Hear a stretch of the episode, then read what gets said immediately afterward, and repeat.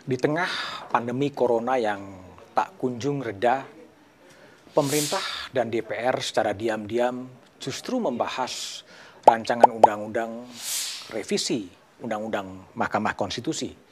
Sebuah koran menulis dengan judul besar, Paket Kilat Penjaga Konstitusi. Pembahasannya hanya singkat, tujuh hari selesai. Mengapa itu perlu dibahas? Mahkamah Konstitusi itu lembaga yang sangat strategis dan sangat penting. Bahkan sosiolog Sacipto Raharjo menyebut sembilan hakim konstitusi itu ibarat idu geni.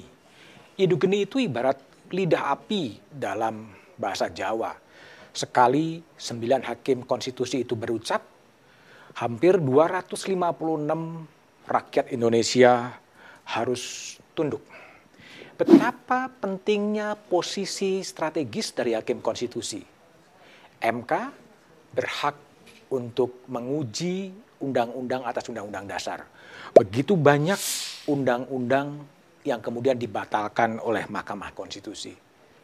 MK juga berwenang untuk mengimpeach presiden. MK juga berwenang untuk menyelesaikan sengketa pemilu. Beberapa kali sengketa pemilu diselesaikan di Mahkamah Konstitusi. MK juga berwenang untuk menyelesaikan sengketa antar lembaga negara. Betapa pentingnya Mahkamah Konstitusi itu.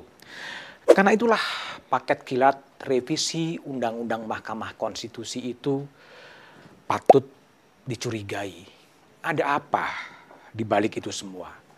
Pemerintah dan DPR sepakat untuk memperpanjang masa jabatan hakim konstitusi dari dua periode alias 10 tahun menjadi 15 tahun.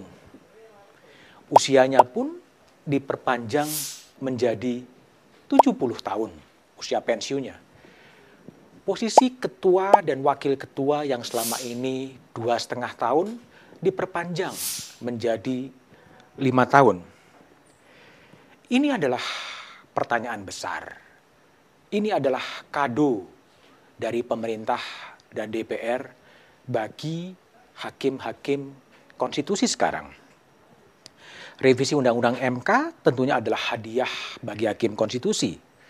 Misalnya Ketua MK Anwar Usman yang seharusnya masa jabatannya akan berakhir pada April 2021 bisa diperpanjang menjadi 2026. Posisinya sebagai ketua MK yang juga akan berakhir bisa diperpanjang dua setengah tahun kemudian. Beberapa hakim MK pun bisa mendapatkan manfaat dari revisi undang-undang itu. Tadi ada Anwar Usman yang sekarang berusia 64 tahun, sudah dewa periode 2011-2021 bisa diperpanjang lima tahun lagi. Kemudian Aswanto yang sekarang berusia 56 tahun sudah dua periode, akan dua periode 2014-2024 ini juga bisa diperpanjang lima tahun lagi. Begitu juga Arif Hidayat, Wahidudin Adam, Suhartoyo, Manahan Sitompul, Saldi Isra, Eni Nurbaningsih, dan Daniel Yusmik Pancas Takihuh. Ini yang baru satu periode. Masa jabatan hakim yang menjadi 15 tahun boleh jadi adalah masa jabatan paling lama. Presiden pun dibatasi konstitusi hanya dua periode, yaitu 10 tahun. Sekarang MK dibuka peluang menjadi 15 tahun dengan masa jabatan masa pensiun sampai 70 tahun. 15 tahun sebetulnya terlalu lama. Terlalu panjang jika dibiarkan tanpa adanya pengawasan. Pengawasan inilah yang menjadi permasalahan. Sebuah kekuasaan tanpa pengawasan itu sangat berbahaya.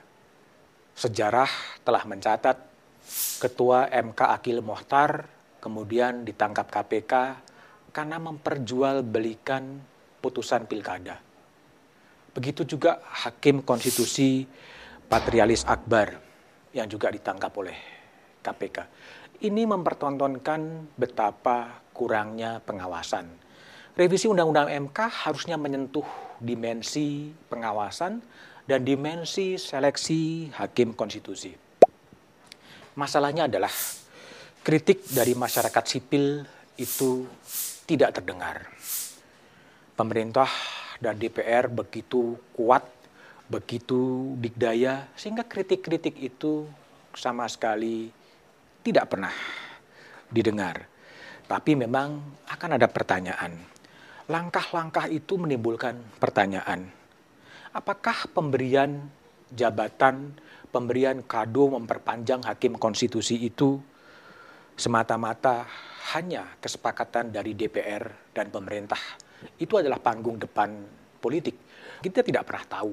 Tapi yang pasti akan ada sejumlah pasal-pasal, akan ada sebuah undang-undang kontroversial yang kemudian berpotensi dibawa ke Mahkamah Konstitusi. Kecurigaan barter inilah yang dicurigai oleh masyarakat sipil. Tentunya ada undang-undang soal perpu corona, ada undang-undang soal minerba, ada undang-undang nanti soal pemilu, ada rancangan undang-undang soal revisi undang-undang BI yang akan mengembalikan masalah BI, masalah pengawasan ke BI dan lain sebagainya, dihidupkanlah Dewan Moneter. Apakah itu persiapan-persiapan dengan lebih dulu memberikan hadiah kepada para hakim konstitusi yang akan jelas akan menikmati jabatannya.